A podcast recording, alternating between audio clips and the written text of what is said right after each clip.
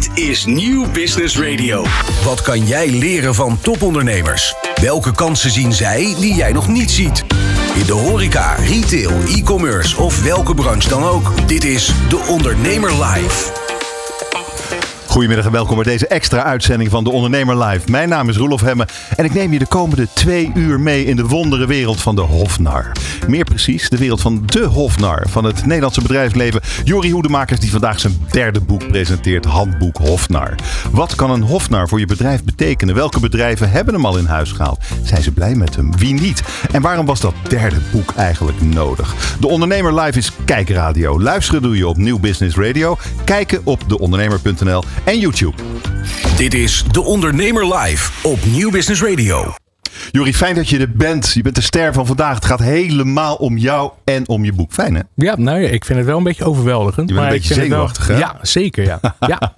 In de studio ook je eerste en je nieuwste opdrachtgever. De eerste is Arnold Mars, hij is CFO van AFAS. En de nieuwste is Anke Swinkels van SDB, SDW. Welkom, fijn dat jullie er zijn. Leuk. Dankjewel. Ehm, ik denk dat we eerst even moeten gaan kijken naar het fenomeen Hofnar. Wat is een Hofnar?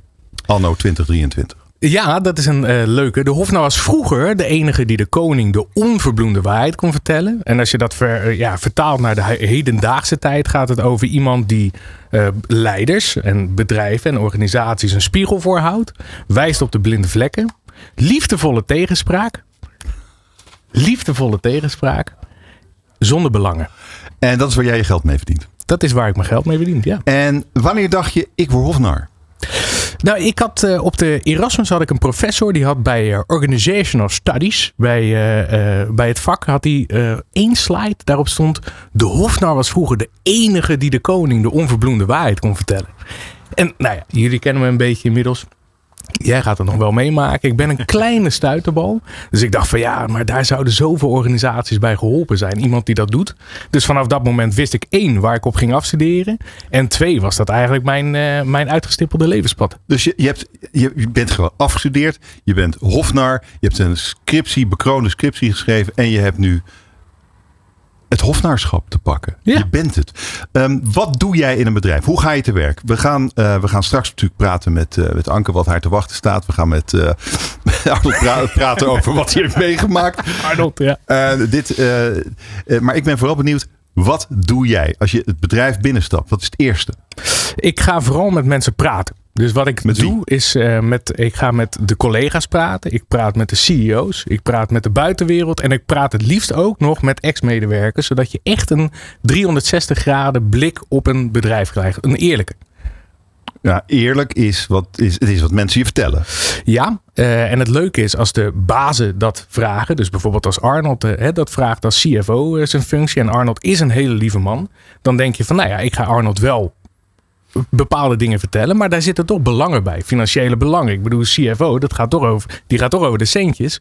Dan ga je toch denken van ja, maar moet ik Arnold nu wel zeggen dat ik eigenlijk wat hij nu zegt een beetje raar vind? Maar, maar, Of- nee, maar ik wil even terug. Want je zegt een eerlijke verhaal. Maar dat is wat je ophaalt bij de mensen. Hoe weet je dat die mensen het eerlijke verhaal vertellen? Hoe, hoe maak jij daar een, eh, nou, een min of meer wetenschappelijk verantwoord verhaal van? Voor een, eh, voor een directie, voor een CEO, een CFO, noem het maar op. Hoe Ja. doe je dat? Eh, ik verzamel ennetjes. En dat klinkt misschien raar, maar bijvoorbeeld als eh, iemand, nou, wat staat hier? Een, eh, een plant. Stel dat, eh, dat iemand bij AFAS zich stoort aan een plant. En ik krijg dat door. En ik zeg van Arnold, diegene die ergert zich aan een plant. Daar kan hij niks mee. Maar als 200 man zich ergeren aan die plant, dan heb ik dus de N is 200 te pakken. Ja, dan vind ik het wel handig dat Arnold hoort van nou, 200 mannen storen, of mensen storen zich blijkbaar aan je plant. Maar kijk jij naar waar werknemers zich aan storen? Nee, ik Waar- waar kijk kijk wat je er leeft eh, op de werkvloer. Wat kan dat nog meer zijn? Van alles. Dus dat kan op, eh, op vorm eh, zijn, op, dat kan op cultuur zijn, dat kan op beslissingen zijn, dat kan op het, het eh, niet uitgesprokene zijn. Het kan op een open cultuur zijn. Ik bedoel, van daar kan Arnold zo op toevoegen of aanvullen, denk ik, met een open cultuur. AFAS had al een hele open cultuur voordat ik daar als hofnar begon. Ja, dan, dan ga je ook aan een opdracht beginnen van wat moet je daar dan nog meer open aan maken. Ja, daar, kan je de, daar kan je de mensen op bevragen.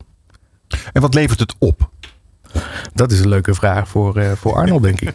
nou ja, als ik CEO zou zijn en ik zou overwegen jou in te huren, zou ik van tevoren willen weten wat ga je me dan opleveren, man? Ja, maar dan krijg je weer zo'n uh, zo'n macho verhaal van ik, uh, de betere besluitvorming, effectievere besluitvorming, een gezonder bedrijf, gelukkigere mensen, beter weten wat. nee, maar dat vind ik altijd zo, zo op je borst. Wat, levert, wat zeg jij dan? Wat levert het op? Um, nou, ik vind gelukkigere mensen en een eerlijker beeld van je bedrijfsvoering vind ik altijd het mooist.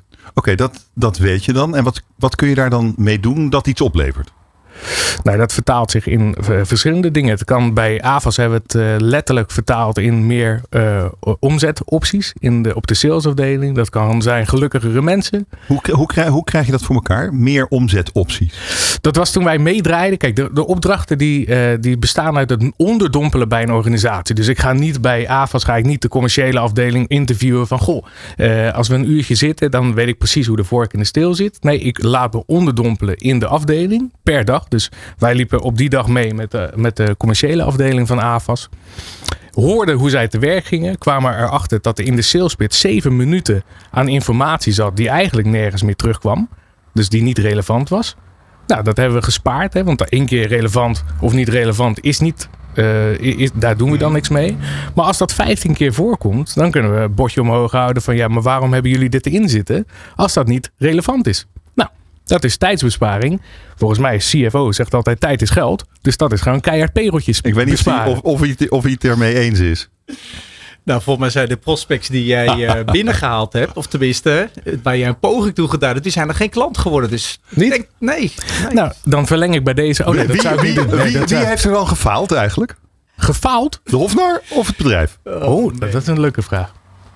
Is Sparta geen klant? Ik, ik wil toch nog even terugkomen op het, het, het moment van binnenkomen. Want elke keer als ik naar jou kijk, eh, Jury, dan... Uh, kijk, je zegt er wel van ja, ik kom binnen en je gaat een gesprek aan. Maar het, het allereerste moment is al jouw verschijning. En daar hebben wij zelf... Uh, en ik moet daar nu weer om lachen, want jij komt ergens binnen... En er is meteen een bepaalde uh, twinkeling in je ogen. Er is een bepaalde nieuwsgierigheid. Toch ook wel ondeugendheid. En dat zorgt er wel voor dat, uh, dat er uiteindelijk een open mind ontstaat. Want ja, we hadden het er net ook over. Uh, ja, wij zien naar Anke. Ja. ja. precies. Sorry, heel goed. van ja, je bent heel snel geneigd om te kijken van oké, welke doelstellingen ga je verbinden aan, uh, aan zo'n opdracht? Ja, maar, jij, maar, maar Arnold, jij bent CFO. Jij hebt een grote verantwoordelijkheid. Jullie zijn een enorm bedrijf. Jij wilt gewoon, ja, wat, wat, wat gaat die man doen met zijn pret ogen? Dat weet je gewoon weten van ja, tevoren, dat, of niet? Uh, ik denk dat de meeste weerstand, en dat, uh, dat weet Jury ook wel, die hebben we gehad op het moment dat mijn collega Bas opeens binnenkwam. redelijk ontactisch. we hadden een directieoverleg en op het einde van de middag, we waren redelijk lam geluld. En toen was het, jongens, ik heb nog één heel goed idee, al zeg ik het zelf. En toen kwam ehm, ehm, ehm, Aapje Jury kwam, kwam uit de hoed. En toen, uh, dat was echt serieus dat iedereen dacht, dit ga je niet menen. Wat moeten wij met een hofnar? En Roelof, er kwamen inderdaad dezelfde vragen van ja, wat is dan het doel? En we zijn al een open bedrijf, zo succesvol. We zijn zo met medewerkers bezig. En toch hebben wij uiteindelijk ja gezegd. Nou ja, dit is interessant. Want jullie, jullie, volgens mij hebben jullie een omzet van 248 miljoen. Dan maak je 94 miljoen winst op. Groei van 14 procent, de laatste cijfer dat ik kon vinden. Ik dacht inderdaad, wat moeten die gasten met een hofnar? Ja, ja, nee, dat was inderdaad ook eh, de feedback die, uh, die het management gaf. Van ja, waarom moeten wij uh, een hofnar aanstellen? Dus niemand wilde hem eigenlijk? Um, nou, dan kunnen we eigenlijk wel eerlijk in zijn. Hè? Er werd best wel kritisch op gekeken. Dus de antwoord is ja. Uh, mijn collega Bas en ikzelf waren wel enthousiast. En dat waren eigenlijk wel, want je kan vanaf twee manieren kijken naar de functie van de hofnar. En waar ik zelf heel gevoelig voor ben, is het uh, op een voetstuk plaatsen van een manager of van een directeur. Hmm. Daar hebben wij zelf echt een broertje dood aan. We willen het liefst tussen de mensen staan. En daar ontstond op een gegeven moment ook wel een stukje angst bij. Uh, onder meer het boek van, uh, van Rutger Brechtman gaat er op een hele mooie manier op in. Dat wij op een gegeven moment zeiden van ja, maar wij hebben ook onze feedback nodig. Er mag ook naar ons gekeken worden. En hoeveel mensen om je heen kunnen je nou gerichte commentaar geven. Dat ze zeggen van Bas of Arnold of een andere collega. Dit doe je niet goed. Of horen wij wel daadwerkelijk alles wat vanuit de organisatie gezegd wordt over jou of over het bedrijf. Ten goede, hè? dus echt in positieve zin. Maar bereikt het je uiteindelijk? Dat was En- de interessante vraag die jullie gesteld hebben. En zometeen Juist. wil ik daar het antwoord op horen. Maar we staan hier in de radiofabriek op het Mediapark. En er staan een heleboel mensen die zijn allemaal voor jou gekomen, Juri. Die willen allemaal zien hoe jouw boek straks het levenslicht zal zien. Hoe vind je dat? Ja, dat te gek. En daar is eh, ook onze grote reporter Roland Tameling. En die heeft eh, allemaal mensen bij zich. Hoe is het daar eigenlijk? Je staat lekker te borrelen in de afwachting van die boekpresentatie. Lekker radioshowtje voor je neus. Hoe is het daar? Ja, Roelof, ik sta eh, niet te borrelen. Ik ben keihard aan het werk hier. En deze mensen, moet ik heel eerlijk gaan zeggen, ik zal even aan de kant stappen. Want laten we even kennis maken met de entourage van Jury, eh, Jury Hoedemakers. Dames en heren, mag ik even een applausje voor de kijkers thuis en de luisteraars van de radioshow. En natuurlijk voor, eh voor Jury zelf, onze toch wel zeer geta- getalenteerde eh, hofnar, of mogen we zeggen profnar. Ik ben zelf ook in de, nou toch wel mooie situatie geweest dat ik een, een masteropleiding heb gevolgd bij het Narrengilde. Dus ik heb Jury van heel dichtbij meegemaakt. En ik kan er dus heel veel over zeggen. Maar ik ga vandaag vooral eens even vragen aan de mensen die hier nu eh, aanwezig zijn in de radiofabriek hier in Hilversum. Wat nou eigenlijk de magie van Jury Hoedemakers is. En of we hem nou allemaal wel echt moeten geloven. Ben even benieuwd. Ik ga, ik, dan loop ik eerst even naar, eh, naar Tim. Eh, Tim de Zeeuw, jij bent eh, samen met, eh, met Jury werkzaam bij het Narrengilde. Hè? Chief Narren Officer, als ik me niet, of Gilde Officer, als ik me niet, niet vergis. Ehm, ik ga meteen een hele gemene vraag stellen. Wat is wat jou betreft de blinde vlek van Jury zelf? Ja, nou ja, wij zeggen altijd zelf, Jury is de vlieger. En die fladdert lekker rond en ik ben zijn touwtje om hem aan de grond te houden. Dus dat is de blinde vlek van Jury. Hij wil van alles tegelijkertijd en dat doet hij ook heel goed. En ik probeer hem ook een klein beetje aan de grond te houden. Ja, dat is af en toe ook wel nodig. Een beetje balans in de zaak. Heb jij het boek al gelezen of niet? Jazeker, ik heb het script mogen lezen. En? Ik vind het mooi. Ik vind het heel persoonlijk. Eh, ik vind dat de rollen van de Hofnar heel mooi worden belicht en, en uitgelegd. En ik denk dat het een waardevol document is voor heel veel mensen. Ja, hartstikke goed. Eh, mannen in de studio. Eh, Roelof, ik kom straks nog meerdere keren bij jullie terug. Maar eh, we gaan nog even één, één persoon even snel hier, hier voor de eerste indruk vragen. Ga ik even deze dame... Ja, je dacht al, hè, hij komt zeker naar mij, want ik draag de mooiste jurk van vandaag. Nou, dat is ook absoluut waar. Kom even lekker in de spotlight staan, want dat, je, hebt, je hebt je best gedaan. Dus dan mag je ook voor gewaardeerd worden. Met wie hebben we te maken? Claire. En Claire, hoe ken jij Jury? Eh, wij hebben samen met Jury een primeur straks. En, Kijk, cliffhanger naar cliffhanger. Heel goed. Heel goed. Dus vandaar dat we hier zijn. En kun je al een tipje van... Nee, dat gaan we nog niet doen. Nee, nee, nee. Blijf kijken en luisteren. Dat is belangrijk. Ehm, maar hoe, hoe goed ken jij Jury eh, eh, dan vooral pro- professioneel, kan ik me voorstellen? Ja, professioneel. Oké, en wat, wat doet hij goed? Eh, wat doet hij goed? Zeg Zichzelf zijn, vrolijk, en springen in het veld, eh, open, open-minded, eh, out of the box denken. En in het kader van liefdevolle tegenspraak, wat kan er beter? Niemand zei dat het leuk ging worden, Jury, vandaag. Nou, zeg het maar. Je mag eerlijk zijn vandaag. Ja, sorry, ja, nee. Eh, speechless? Nee. Ja, heel goed. Nou, daar komen, we, daar komen we straks nog even, nog even op terug. Je kleding kan beter, zeg je Planning, zelf. zei ik. planning, niet, niet verdraaien. Nee, dat, is niet, dat zou je niet doen. Nee, heel goed, heel goed. Nou, mooi. Eh, je merkt het, de sfeer zit erin. Maar mensen zijn vooral benieuwd naar het, eh, het verhaal rondom de, de Hofnar. En eh dokter Anders Hofnar hemzelf kan dat als geen ander uitleggen natuurlijk. En straks gaan we nog een aantal keren terug om hier de sfeer te peilen. Dankjewel, eh, Ronald, voor nu. Tot zometeen. Wij gaan praten over eh Dr. Hans Hofnar. Inderdaad, we hebben net gehoord wat zou een bedrijf kunnen hebben aan Dr. Anders Hofnar. En ik hoor net ook van eh, Arnold dat dat nog wel heel erg de vraag was bij AFAS toen hij binnenstapte. Even eh, Anke Swinkels van, eh, Ja. van SDW. Wat, jij hebt hem net aangenomen. Ja, Eh, be- begin je al te twijfelen? nee, maar wel herkenning. Ja, was bij jou ook zo van, wat moeten we met die gozer? nou, eh, heel eerlijk. Kijk, SDW is een zorgorganisatie. En eh, natuurlijk anders dan, dan misschien Profit. Dus wij zitten niet zo meteen op de winst, maar meer op... eh, ja, we hebben het al druk genoeg in de zorg. Dus eh, ja, wat komt een Hofnar dan nog doen? Nou, jouw, jouw taak is volgens mij bij SCW om te kijken eh, wat er beter kan. Hoe processen gestroomlijnd kunnen worden. Kortom, hoe je met dezelfde mensen meer werk kunt doen, denk ik dan. Ook. En dat, Ja. is, dat is het ongeveer toch? En jij denkt dat hij daar een rol in kan spelen?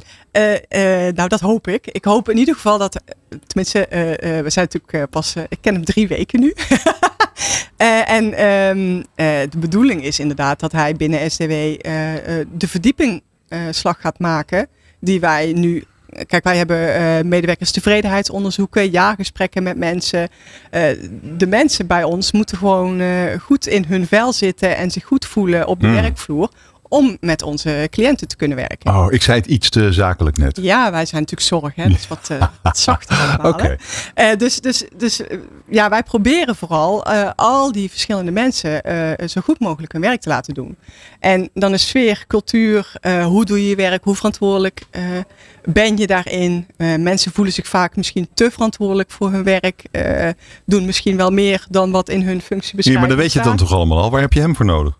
Ja, wij weten best wel al veel, maar uh, wij hebben Jury eigenlijk nodig voor hetgeen wat weten we nog niet, waar hij mogelijk wel achter kan komen. Oké, nou laten we eerst even gaan kijken uh, wat, het, wat er bij AFAS uiteindelijk van is terechtgekomen, Arnold. Want uh, je beschreef net, voordat we naar Roland gingen, het was eigenlijk stonden we niet zo om hem te springen. Er was wel best wel verzet tegen deze jongen. Zeker. Zeker. En, en toen hebben we ook nog eens een keer een hele grote fout gemaakt. Uh, en het, het, wat het mooie is aan het binnenhalen van een hofnar, dat is dealen met je eigen kwetsbaarheid. Sterker nog, uh, je wil een kwetsbare organisatie creëren. En vanuit de kwetsbaarheid uh, wandelen de hofnarren. Uh, Jury heeft zo zoveel mooie gesprekken gehad. maar je komt ook tegen dingen dat je denkt van... Ah, jemig, dat meen je niet. Geef eens een voorbeeld. Uh, nou, allereerst nog even terugkomend op, uh, op dat momentje wat we niet goed aangepakt hadden. Uh, we hadden zelf op een gegeven moment geloof en vertrouwen wat het management overtuigd. En toen dachten wij, weet je wat we gaan doen? Wij hebben één keer per maand hebben wij een cultuurdag. En dan komen alle collega's binnen en dan gaan we theater in. Prachtig theater met de vette show. En we vertellen er wat over Wellewee, de cijfers, goed nieuws show. En er was een momentje dat wij... Hij zit nog een beetje prettig te kijken, sorry. Um, dat gaan we nu alweer. Ja, we hebben echt heel gelachen met elkaar. Niet de baal weer. En ook geld. Maar we hadden het idee, we gaan die hofnarren, die gaan we uh, spontaan op het podium plaatsen. En dat gaan we gelikt doen met de presentatie. Oh man, oh man. En het was echt gelikt. Maar de medewerkers die dachten echt, wat is dit? Ik hoor dat nou, en we hadden er zelf nog een paar hele mooie voorbeelden bij. Ja, die hoeft daar lekker tussen, tussen jullie inlopen en meelopen.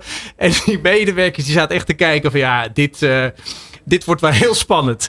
Uh, toen hadden we daarna nog een hele vette foto gemaakt buiten. Dat blijft nog steeds een hele brute, uh, brute foto. Die, uh, ik heb niet op een nachtkastje staan, maar het is wel een mooie herinnering. Oh, dat kunnen we Alleen, dat was wel 2-0 achter. Gewoon eerlijk is eerlijk. Want, slecht begin. Een slecht begin, want we hadden wel heel snel door. Um, we zeiden eigenlijk tegen, tegen van twee dingen. Je krijgt nu het geld. Dus op het moment dat helemaal niks wordt, is het succes ermee tabé. Je betaalt hem vooruit voor een jaar. Hè? Dat ja, is we een hebben een jaar vooruit betaald. Ja. En um, het tweede is wat we gezegd hebben. Eigenlijk weten we het zelf ook niet. Ga maar aan de slag. Dus we hebben hem de sleutel gegeven. Ze mochten overal in. Ze mochten met iedereen meelopen, dag en nacht. En uh, er waren een aantal momentjes uh, dat we met elkaar hadden. En dat was gewoon heel, heel erg tof. En er was een momentje dat je dacht, oh my god. Ik wil dat voorbeeld. Ja, goed, kijk, uh, Jury die gaf aan uh, dat voorbeeld van de plant. Kijk, wat, wat natuurlijk heel lastig is, is medewerkers die gaan natuurlijk ook hun punten inbrengen. Dus die gaan er een beetje gebruik, zeker misbruik van maken. Dus wij hebben uh, onder meer een kledingetiketten. Nou, we zijn ooit begonnen met de stropdas. En toen wij zagen dat de Belastingdienst nog het enige medebedrijf was wat, wat ook een stropdas had, toen dachten we van nou, dat gaan we niet meer doen. Maar onder meer de sneaker, nou, die is bij ons nog steeds taboe. En toen, uh, toen kwam uh, Mr. Prettoog kwam binnenzetten. En toen uh, wij, wij voelden al van oké, okay, dit wordt weer zo'n zo'n dingetje. En toen was het heel mooi volgens mij. Hè, van, je had wetenschappelijk onderzoek gedaan. Wij zouden toch heel graag die sneaker weer terug willen. Want er zijn heel veel collega's die daar voorstander van zijn. En toen hadden we echt zoiets van nee, daar gaan we weer. Um, nou, ik denk nu, ja, lekker belangrijk. Nee, maar dat was wel is, grappig. Is dit, wat, is hier, wat, is, wat is hier nou belangrijk aan? Als uitkomst van het onderzoek van de Hofnar? Wat ik mooi vond, als ik daar even op aan mag vullen, was dat die sneaker. Het ging eigenlijk geen eens over de sneaker. Nee. Het kwam inderdaad met de ennetjes. Hè, dus het aantal keer dat iets werd gezegd kwam naar boven. Dat mensen graag weer die sneaker aan wilden hebben. Um, en het ging niet zozeer om het doorheen drukken dat er weer een sneaker kwam. Maar het opnieuw uitleggen waarom er een dresscode is. En dat hebben Bas en Arnold toen opgepakt in het cultuurcafé. En er was in één keer ook gewoon... Hop, uh, klaar met dat punt. Omdat ja, een bedrijf dat ververst, hè, er komen nieuwe medewerkers. Dan trap je veel sneller in de val van ja, maar waarom doen we dat hier eigenlijk? Ja, maar omdat dat gewoon hier zo gaat. Ja. Maar, ja, maar, ja, maar waar, en wat is dan de diepere gedachte achter geen sneakers? Uh, nou, het uitleggen van waarom dingen gebeuren. Dus het omhoog halen van de Hebben ze nou sneakers aan of niet? Nee, nee, nee. maar het is wel uitgelegd waarom er geen sneakers worden en gedragen. waarom is dat? Ja, Jury, waar? Nee. Het was, ja, ik weet het ook. Nou, laten, jongens, laten we niet te lang over sneakers Ja, praten. kijk, weet je wat- kijk, ik, wij ben hebben- benieuwd, Arnold, Sorry. naar wat, wat, is nou het, het, wat is nou het grote ding dat Jury jullie gebracht heeft?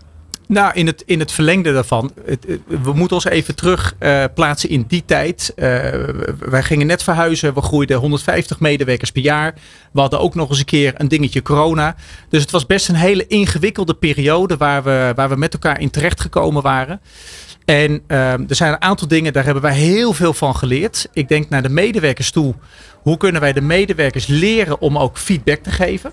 Over hun eigen gevoelens in relatie tot, eh, tot de dingen die we doen. We zijn een cultuurbedrijf, een familiebedrijf. Wij staan heel dicht bij de mensen.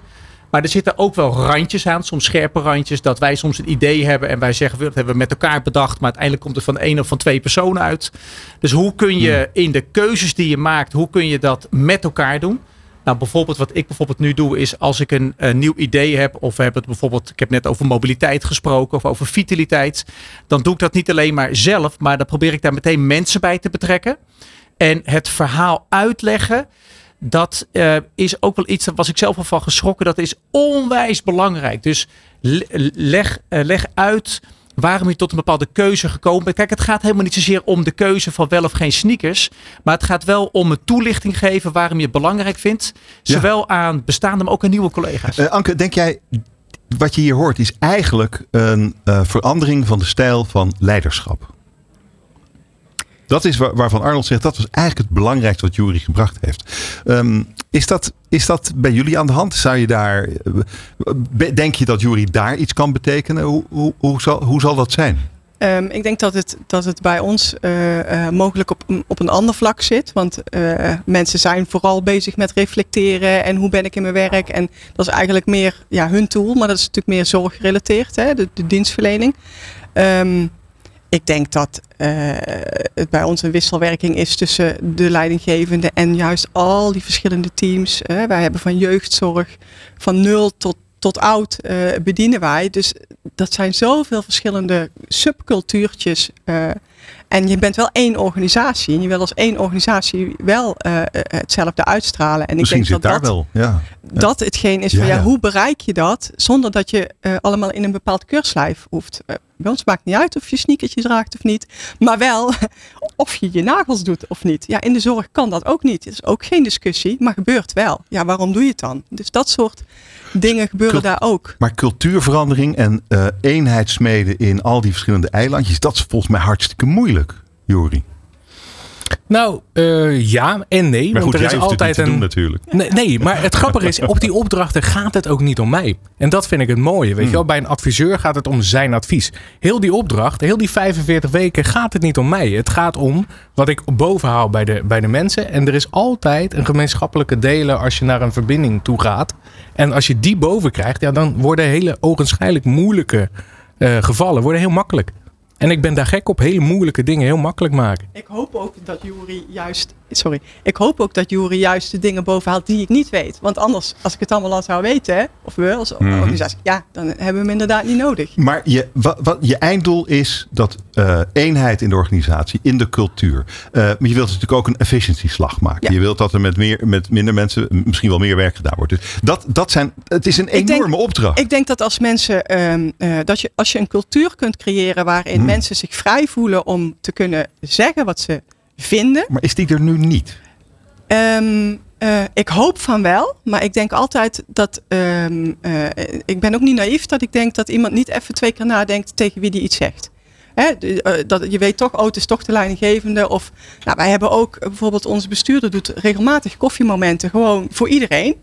Daar kun je van alles zeggen, dat gebeurt ook. Maar dat zijn toch maar een aantal mensen die dat ook echt doen. En ik ben ook benieuwd, wat vinden die mensen die dat niet doen? Waarom durven die dat dan nog niet? Of doen het niet? Of lukt dat niet? Ja. En als jij het vraagt, of, of de, Ja, misschien. eh, dan komt het er misschien niet uit. Maar ik zit me wel af te vragen, wa- waarom hebben jullie gekozen voor de Hofnar? Waar, je kan eh, je kan zoveel eh, adviesbureaus bellen. Waarom een Hofnar? Ja, ik hou persoonlijk wel van, eh, van, Van een Jury? beetje Dat, nee, ja, dat, dan, dan zijn we nog te kort. Dat gaat toch zeker komen? Drie weken nog maar, hè? Drie weken. Dat weet Ja. ik niet. Maar eh, eh, het, het mag ook best wel gewoon luchtig zijn. Zonder dat je meteen die zware lading van jongens, er is iets mis. Er hoeft niet iets mis te zijn om beter te worden. Je kunt ook gewoon beter worden vanuit een positie waarin niet meteen een probleem is. Dat is misschien ook wel de kracht, eh, Arnold. Heb jij dat ook zo ervaren? Dat er, er zit een 100%. luchtigheid in zijn optreden. 100 procent.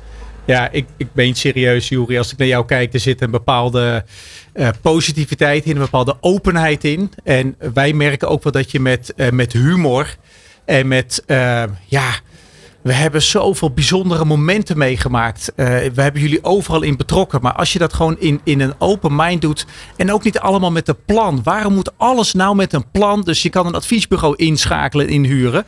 Je bent een hoop geld kwijt. Eh, misschien iets minder of meer, dat weet ik niet. Maar ik denk dat dit juist heel erg effectief geweest is. En je moet je ook voorstellen, als wij met z'n eh, met z'n vieren eh, in, de, in, in de kamer waren. Ja, weet je, er- er er werden moppen verteld. Eh, we zaten met eh, de voetjes op tafel. Maar het waren wel hele persoonlijke gesprekken. En dat voelde als, als één en samen. En laten we eerlijk wezen, in mijn rol, ik heb niet zo heel veel mensen waar ik alles kan vertellen. En dat vond ik het mooie aan Jury. Dat we in een half jaar tijd was de ruimte dat we alles konden zeggen. En dat vond ik ook wel mooi naar de medewerkers toe. Jury wist ook wel wat hij wel en niet tegen ons kon zeggen.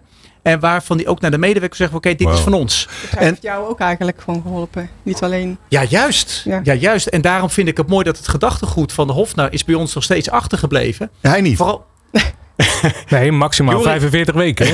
Dan ben ik weg. Dan ga je weg. Ja, maar dat vind ik ook Het mag niet langer. Nee, ik heb geen belang. Ik- dat financiële belang zit aan de voorkant eh, zit er weg omdat ik vooraf word betaald. En ik wil na 45 weken verleng ik nooit, ook al wil een partij dat, om, eh, omdat ik dan geen toegevoegde waarde meer kan leveren. Omdat ik dan in de kleuren van AFAS of SDW ben gespoten.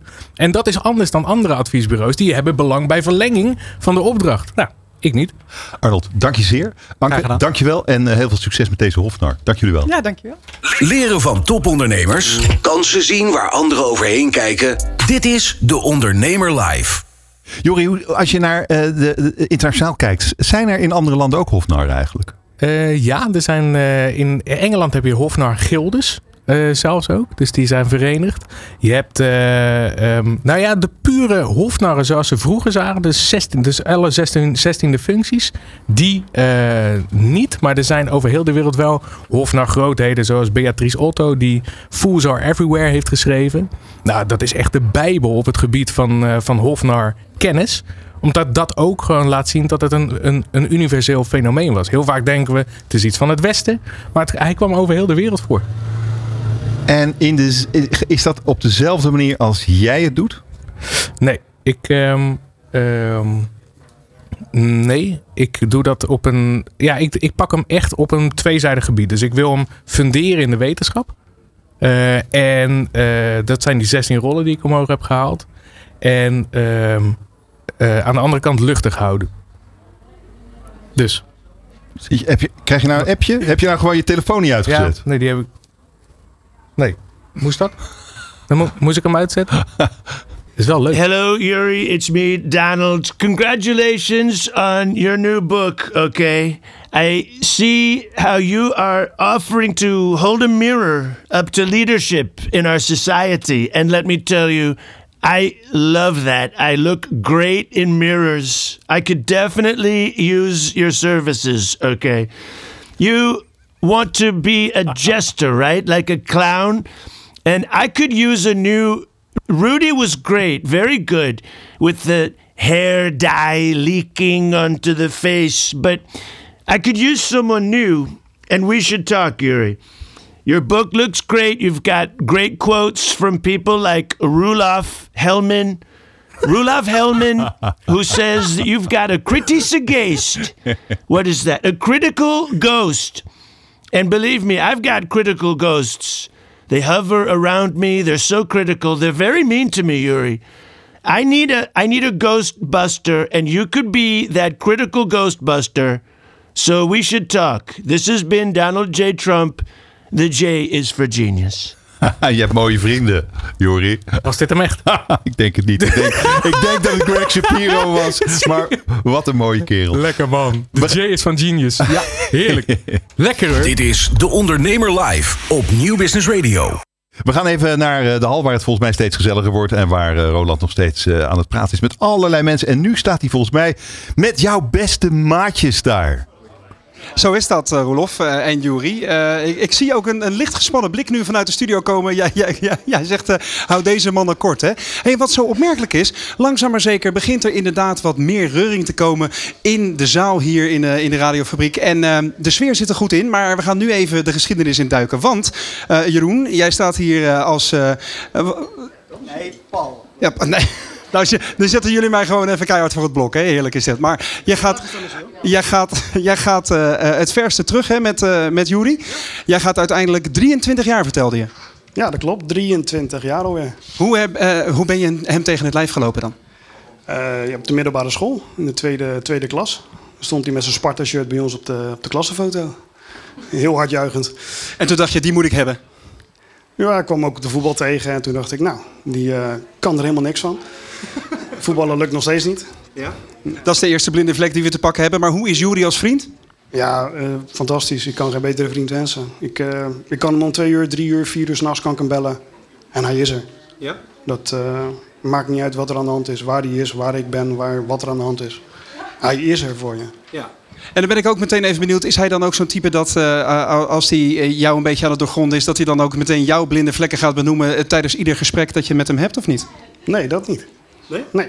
Hij laat dat, uh, dat laat hij gewoon uh, ja, een goede scheiding werk en privé. Ja? En, en Lars, hoe is dat in jouw geval? Jij, uh, jij kent hem van, van school, heb ik begrepen, toch? Ik weet niet wie het is, joh. Geen idee. dat is natuurlijk een beetje onze humor. Hè. Knijpt hem nu al. Ik zie hem al staan en denkt, uh, die jongen gaat van alles vertellen nu. Ja. Ga ik ook doen. Uh, nou, steek maar van wal. Nou, we beginnen 17 jaar terug. Nee, we kennen hem, Jeroen en ik kennen hem al 17 jaar. We hebben samen de opleiding gedaan in Holland. Uh, dat wil zeggen, wij hebben hem wel gedaan. Jury was er bijna nooit. en op het moment dat hij er wel was, was dat met name na de lessen. Want toen gingen we lekker borrelen. Ja. Toen, was, toen was je er wel, hè? Ja. Lekker, ja.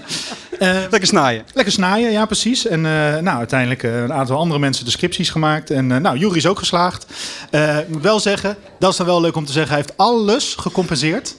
Uh, hij heeft gedacht, ik ga naar de Erasmus Universiteit. Ik ga daar een scriptie schrijven.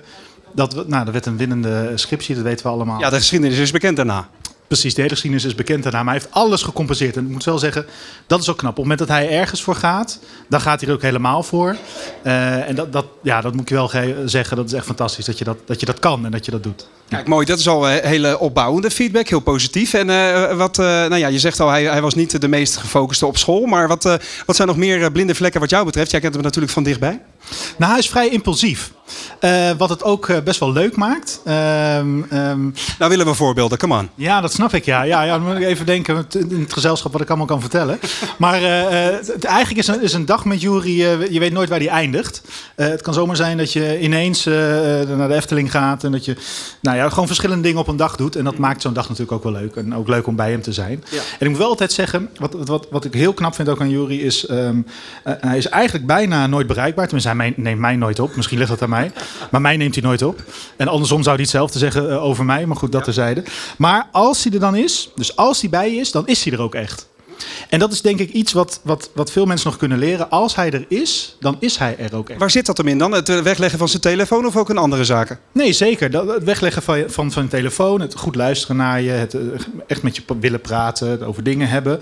Uh, hij is niet bezig met andere dingen. En uh, nou, dat is leuk. Dat vind ik uh, prettig. Ja. En uh, uh, Paul gaf net al aan, er zit niet direct een, een, een, constante hofnar in Jury als die privé is. Hij probeert niet continu maar je te verbeteren. Maar zijn er zaken die hij wel eens tegen jou heeft gezegd waarvan je dacht, hé, hey, dankjewel voor dat vriendelijke advies?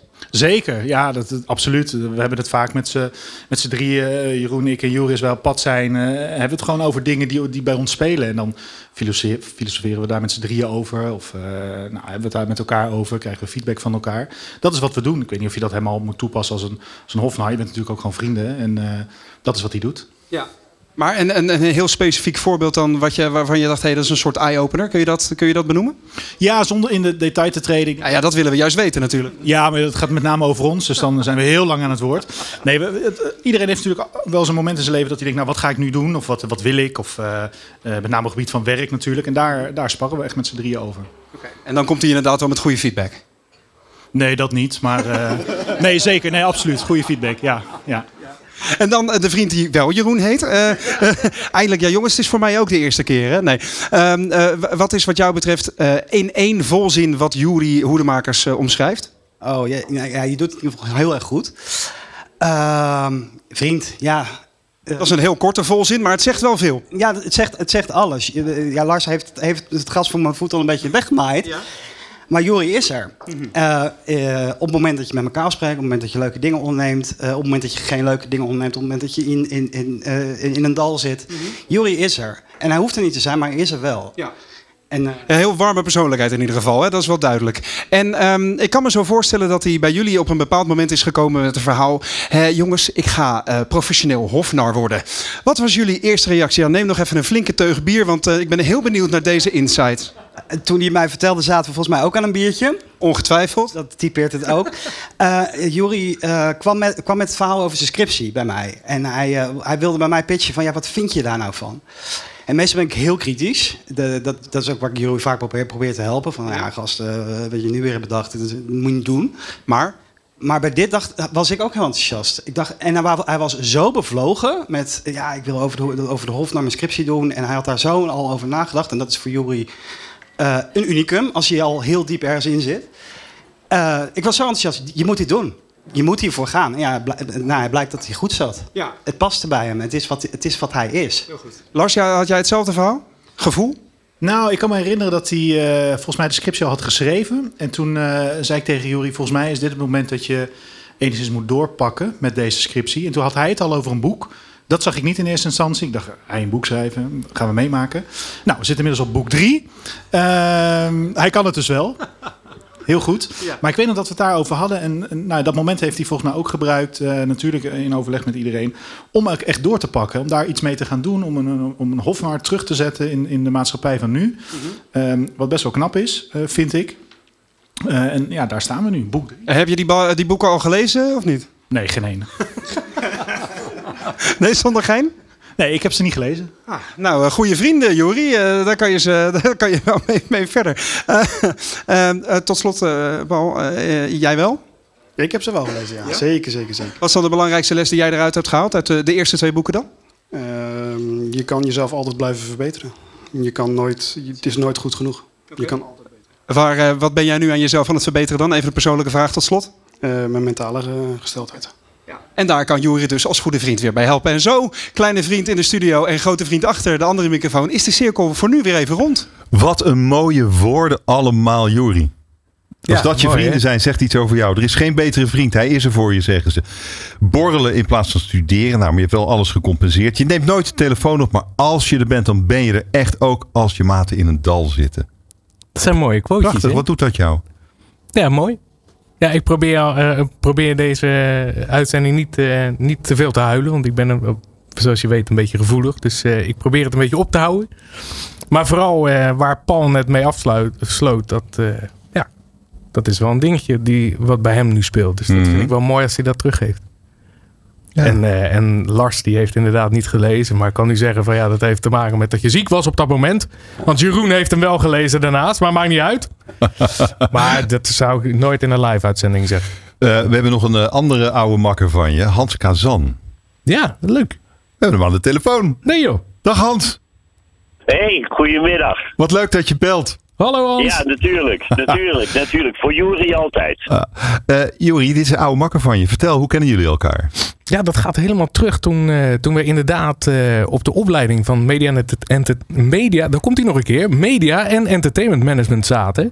Eh, toen, eh, toen ben ik daar een beetje in die wereld gerold. En Hans, die ken ik vanwege, eh, even denken, eh, de zakelijke boekingen die ik voor hem heb gedaan. In het, in het begin toen ik net mijn allereerste bedrijfje had. Jij bracht deze magier op het podium. Nee, ik mocht deze magier op het podium brengen. Eh, Hans, wat is, jouw herinnering, wat is jouw herinnering aan Juri? En mijn herinnering, nou, ik weet nog dat de allereerste keer dat ik hem leerde kennen, toen was hij net klaar met het management van eh, Bibi Soyadi. Eh, daarna is hij een eigen bedrijf begonnen eh, eh, om evenementen te organiseren. Daarna nog een heleboel dingen. Toen is hij nog een tijd bij de ANBO geweest. En bij al die omzwervingen, eh, elke keer kwam Jury weer op mijn pad. En het was altijd alsof we elkaar gisteren voor het laatst gesproken hadden en gewoon weer verder gingen. En ik moet eerlijk zeggen, Jury is echt een hele bijzondere gast. En toen hij begon met dat gebeuren met de Hofnar, en toen ik dat hoorde, toen hij, toen hij bezig was om dat op te zetten, toen dacht ik gelijk, dit is hem. De- hij, hij gaat niet de Hofnaar spelen. Hij is de Hofnaar. Waarom Hij dacht je dat? echt die ja, hij is het gewoon. En toen heb ik dat eerste boekje heb ik ge- gelezen. Daar was ik bij bij die uitreiking. Hè, van hoe die eh, mensen een spiegel voorhoudt. Ik vond het echt eh, ontzettend knap gevonden. En ik vind dat hij hier helemaal op zijn plaats is. Een heel bijzonder mens. En dat hij nu aan zijn derde boek is. Nou ja, alleen maar grote complimenten. En wat maakt hem dan zo bijzonder? Waar- waarom dacht jij meteen, die rol van Hofnar, die past hem als een jas? Waarom? Nou ja, dat past hem als een jas, omdat hij zo is. Hij is daadwerkelijk eh, geïnteresseerd in andere mensen. Hij speelt het niet, hij is het. En eh, hij denkt ook altijd na. Dus hij ziet dingen, hij neemt dingen waar, heeft daar een mening over. En heeft er ook geen enkel probleem mee om die mening naar buiten te brengen of die mening te ventileren. Ja, dat doen helaas niet veel mensen. Maar dat is wel waarmee je de wereld stapje voor stapje voor stapje verbetert. En hoe was hij als, eh, als eh, manager, als boeker? Ja, geweldig. Ik bedoel, ja, hij was altijd, eh, op de eerste plaats deed hij dat heel erg goed. Maar wat ik zo leuk vond van Jury, eh, als hij kwam, als we elkaar ergens ontmoetten, kwam hij altijd met een prachtig cadeau aan. Met een mooie fles wijn, of dan wist hij precies welke taartje je lekker vond, of welk weet ik veel. Hij kwam altijd met iets aan, met die breed, en dat was niet het belangrijkste, maar dat gaf hij dan op een manier met een brede glimlach, met veel positivisme, eh, ja, met enthousiasme. Nee, het is een bijzondere gast. Ja, er zijn er gewoon niet zoveel van. Jori, wat betekent deze man, Hans Kazan, voor jou? Ja, maar ja, veel. Want Hans eh, er was echt een, eh, is nog steeds een held eh, voor mij. Ik zat vroeger altijd op de bank Telekids te kijken. En dat was in één ruk door met, eh, met Hans eh, op, op tv. Dus dat ik zijn boekingen mocht doen, dat vond ik te gek. En ik vond het ook heel leuk om, ehm, eh, nou ja, om in, in die tijd samen met, eh, met Hans op te trekken. En dat hij me nu volgt. En dat hij dit over me zegt, ja, dat, dat vind ik wel heel bijzonder. Jori heeft wel een lange weg afgelegd, hè, Hans, als je het zo beschrijft. Ja, ja, echt. Dat is, dat is absoluut zo. En het is ook heel lang geweest dat ik dacht, ja, ja, hij doet alles goed. Hij doet alles met intentie. Hij, hij- alles was goed. Maar daar miste net dat magische vonkje dat je nou helemaal nodig hebt. En toen die begon met het Hofnaar eh, gebeuren, toen in één keer dacht ik ook, wauw. Dit past gewoon bij hem. Dit is, dit is gewoon helemaal goed. En ik ben zo blij dat hij na die hele lange zoektocht op dit punt terecht is gekomen. En dat gun ik hem meer dan van harte. En nou staat hij ook op het podium. Eh, ik, ik, ik, zie, ik zie een combinatie. Ik zie de magier en de hofnar. ja, nou ja, eh, ja eh, soms, soms denk ik daar ook wel eens aan, omdat hij echt de hofnaar is en, zijn verhaal heeft. Ja, ik, ik, en ik begon vroeger, en dat doe ik al een tijdje niet meer, want dan deed ik al die eh tovertrucs aan tafel. Dan zei ik, dames en heren, ik ben de hoftovenaar, vindt u het leuk om? En ja, ik denk dat de hoftovenaar, of de, ja, de hoftovenaar en de hofnaar samen een heel mooi verhaal zouden kunnen houden. Ik vind het een goed idee, ik, eh, ik stem voor. Jori, hoe gaan we dit doen? Ja, het is een stemronde hoor je toch? Dus ik stem ook voor. Wie wil er nog? Daan, stem je ook? Ja, Daan ook voor. Frans, Tim, iedereen is voor. Dus wil, wat je, gaan we doen? wil je ook stemmen? Ik ben ook voor. Wat gaan we Oké, doen? Nou, te gek. Ja, nou, en nu? Wat gaan we doen? Nou, dan is het plan toch rond? Ja, wat gaan we dan doen? Nou, de plannen op papier. Eerste plannen altijd op papier. Ik hoor net dat ik niks plan en dat ik meer... jij, jij doet jouw verhaal, ik doe mijn verhaal. Ik, ik, ik doe heel veel werk als spreker in den landen. En, maar dat sluit weer, dat gaat over vallen, opstaan en weer verder gaan, als ik het heel simpel uitdruk. En daar horen de dingen die Juri vertelt ook bij. Dus ik denk dat we eh, ja, elkaar heel goed zouden kunnen aanvullen. Ik vind het een heel goed idee. En eh, als je het een beetje wil doordrukken, Juri, bel me gewoon eh, in, de, in de komende dagen. En we maken een heel mooi plan. Jij bent nu in Maastricht toch Hans? Eh, ik kom uit Maastricht. Ik rij vanuit Maastricht nu weer richting Zeist. Oh, dan kom ik dadelijk even langs wippen. Dat is gezellig. Ik, eh, denk dat is dat, leuk. ik denk dat dit iets wordt. Fijn dat je even bij ons was. Hans Kazan, dank je wel. Dankjewel Eh, Hans. Oké, tot ziens Jury. Doei. Dit is De Ondernemer Live op Nieuw Business Radio. Die Hofnar, die willen dus voor iedereen zijn. We hebben het al wel gehoord. Maar ook voor not-for-profit organisaties. Maar het probleem is, die kunnen het vaak niet betalen. Dus is er de stichting De Hofnar voor organisaties die een Hofnar nodig hebben. Maar het niet kunnen betalen. Juri, wat is, wat is de specifieke behoefte van not-for-profit organisaties? Nou, in ieder geval voor een jingle van dames en heren, welkom bij het blokje met primeuren. En dan hadden we die inleiding kunnen doen. nou heb je alles al weggegeven. Zo, Nou ja, dit is de- ja, hallo. Nee, maar dat is... ehm, eh, sorry, nou heb ik je mooie vraag gemist. Ik was helemaal ik was aan het wachten op de jingle. We, ik hebben helemaal geen jingle, Ik joh. zou me er niet mee bemoeien. Nee, dat- wat, was wat, was, had ik nou gezegd? Ja, ik weet het niet. Daarom vraag ik nog een keer de vraag. Het is jouw show. Ik mag vragen. En Ja, waarom mag not? alles doen wat je wil. Waarom not for profit?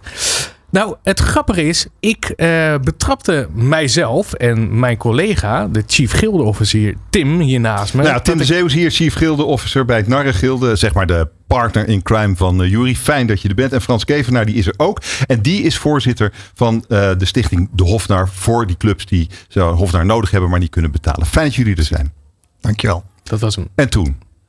Ik Ja, vroeg ik eigenlijk welke, welke, welke, wa- wa- wat zijn de specifieke behoeften van not-for-profit organisaties als het gaat over het inzetten van Hofnar? Nou, not-for-profit organisaties zijn voor- voornamelijk bezig met het doel wat ze nastreven. hè. Dus dat eh, de, de KWF heeft, eh, heeft natuurlijk alle focus op de kankerbestrijding. eh Nierstichting op de nierziektes. en daar gaat bijna al het geld ook geoormerkt naartoe. Terwijl zij ook, net als organisaties hè, eh, eh, zoals Anke, eh, zoals Arnold, de, die hebben ook wel behoefte aan een spiegel voor het bestuur. Alleen is het vaak niet dat geoormerkte geld wat daar naartoe gaat. Met andere woorden, zij kunnen wel een probleem hebben, of in ieder geval een behoefte aan dat een bestuur gespiegeld wordt en dat de blinde vlekken omhoog worden gehaald. Alleen die kunnen dat vaak niet betalen. Het is gewoon omdat het geld is misschien wel, maar het staat niet op de goede budget Ja, hoofdstuk. Oké. En Frans, wat doe je daaraan?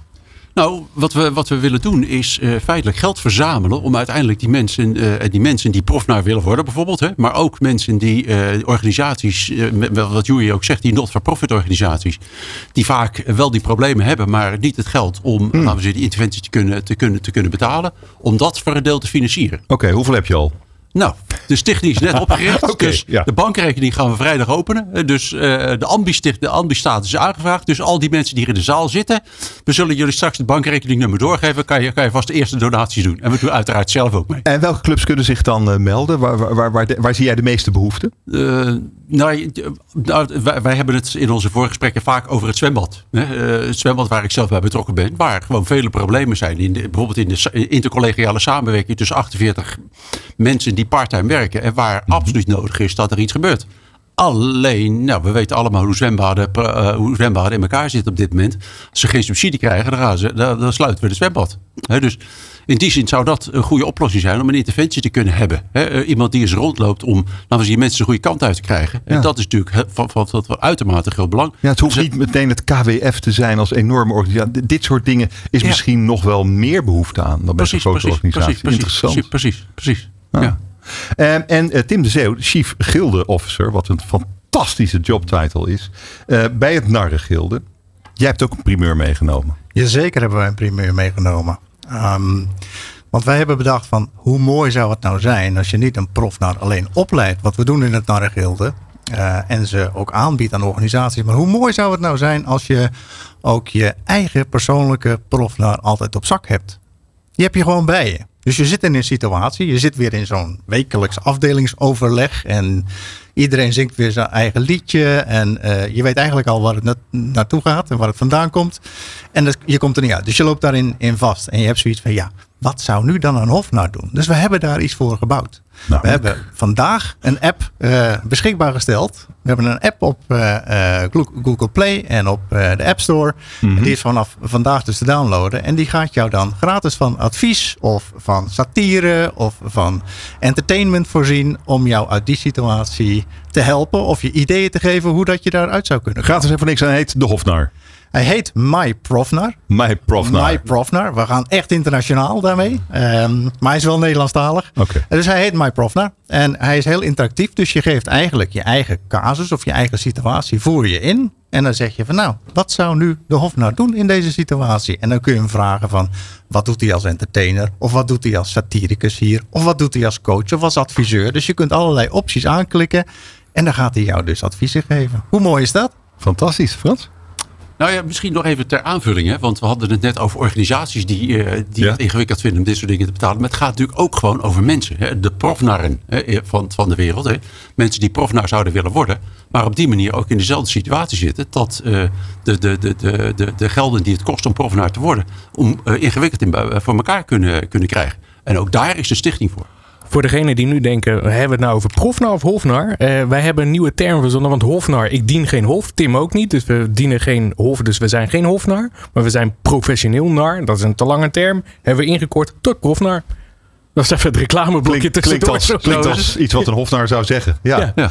Um, ik zit me nog even aan, ik blijf een beetje hangen aan die app. Want is, hebben jullie dan alle mogelijke antwoorden op die vragen ingevoerd? Of krijg je van een echte profnar antwoord? Nee, dit is, dit is kunstmatige intelligentie. Nee, echt? Kan dat? Echt AI. We hebben een AI-prof naar ontwikkeld. Nou ja. Ja, dus je geeft, hem, je geeft hem welke casus je ook maar wil.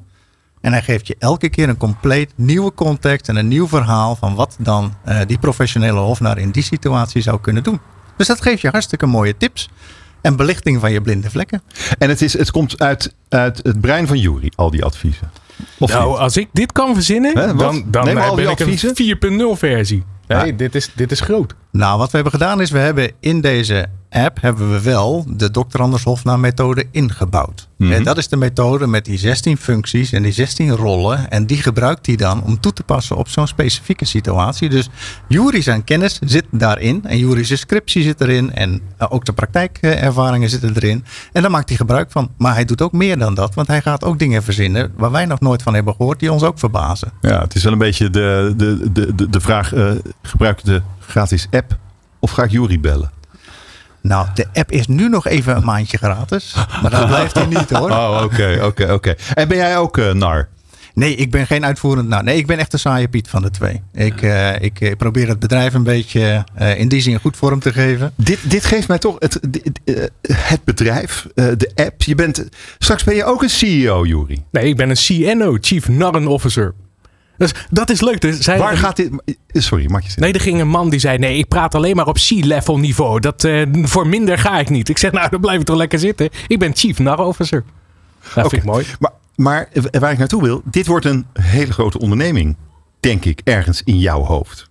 Met ja. een app. Ja. En een opleidingsinstituut. Ja. En een not-for-profit tak. Ja. Vertel meer.